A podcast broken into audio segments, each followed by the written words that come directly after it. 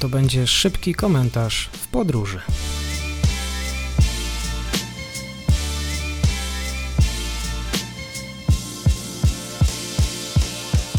Dzień dobry wszystkim słuchaczom. Dzisiaj kolejny komentarz w podróży.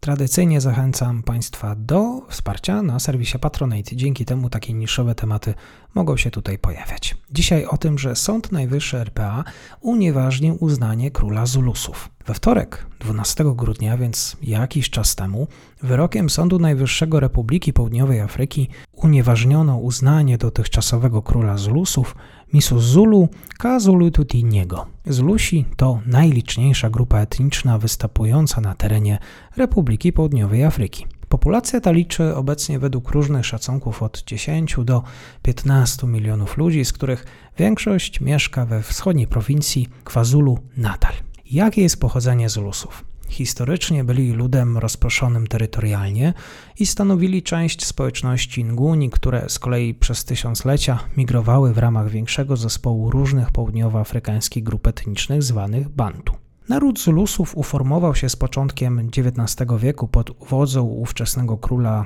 Królestwa Zulusów Shaka. Ten głównie poprzez reformy wojskowe zjednoczył klany i stworzył potężne imperium Zulusów. Dalsze losy tego plemienia były jednak burzliwe, bowiem po śmierci Shaka Zulusi zostali pobici przez Brytyjczyków. Jako rezolutna społeczność nie chcieli podporządkować się kolonialnym rządom, co w 1879 roku ostatecznie doprowadziło do wojny.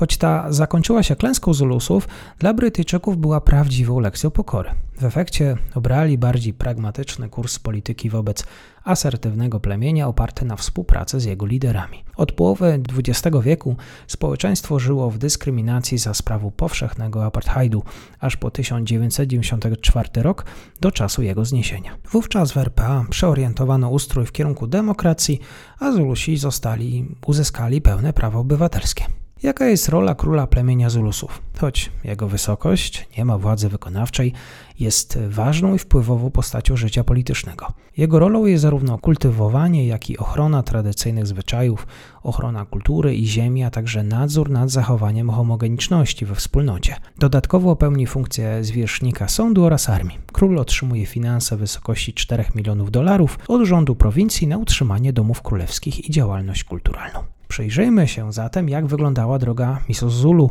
do objęcia władzy.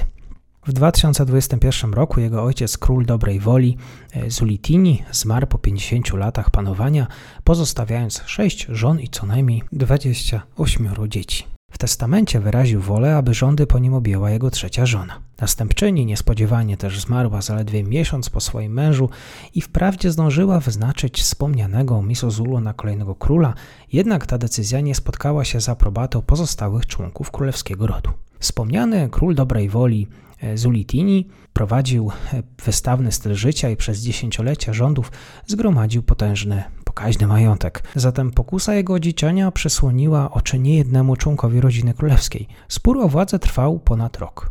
W tym czasie pojawiały się liczne oskarżenia o otrucia, podejrzenia o fałszerstwa w testamentach, a także sugestie odnośnie słusznego dziedzica, którym według oceny części rodziny oraz samego zainteresowanego powinien być pierworodny syn zmarłego, książę Simakade.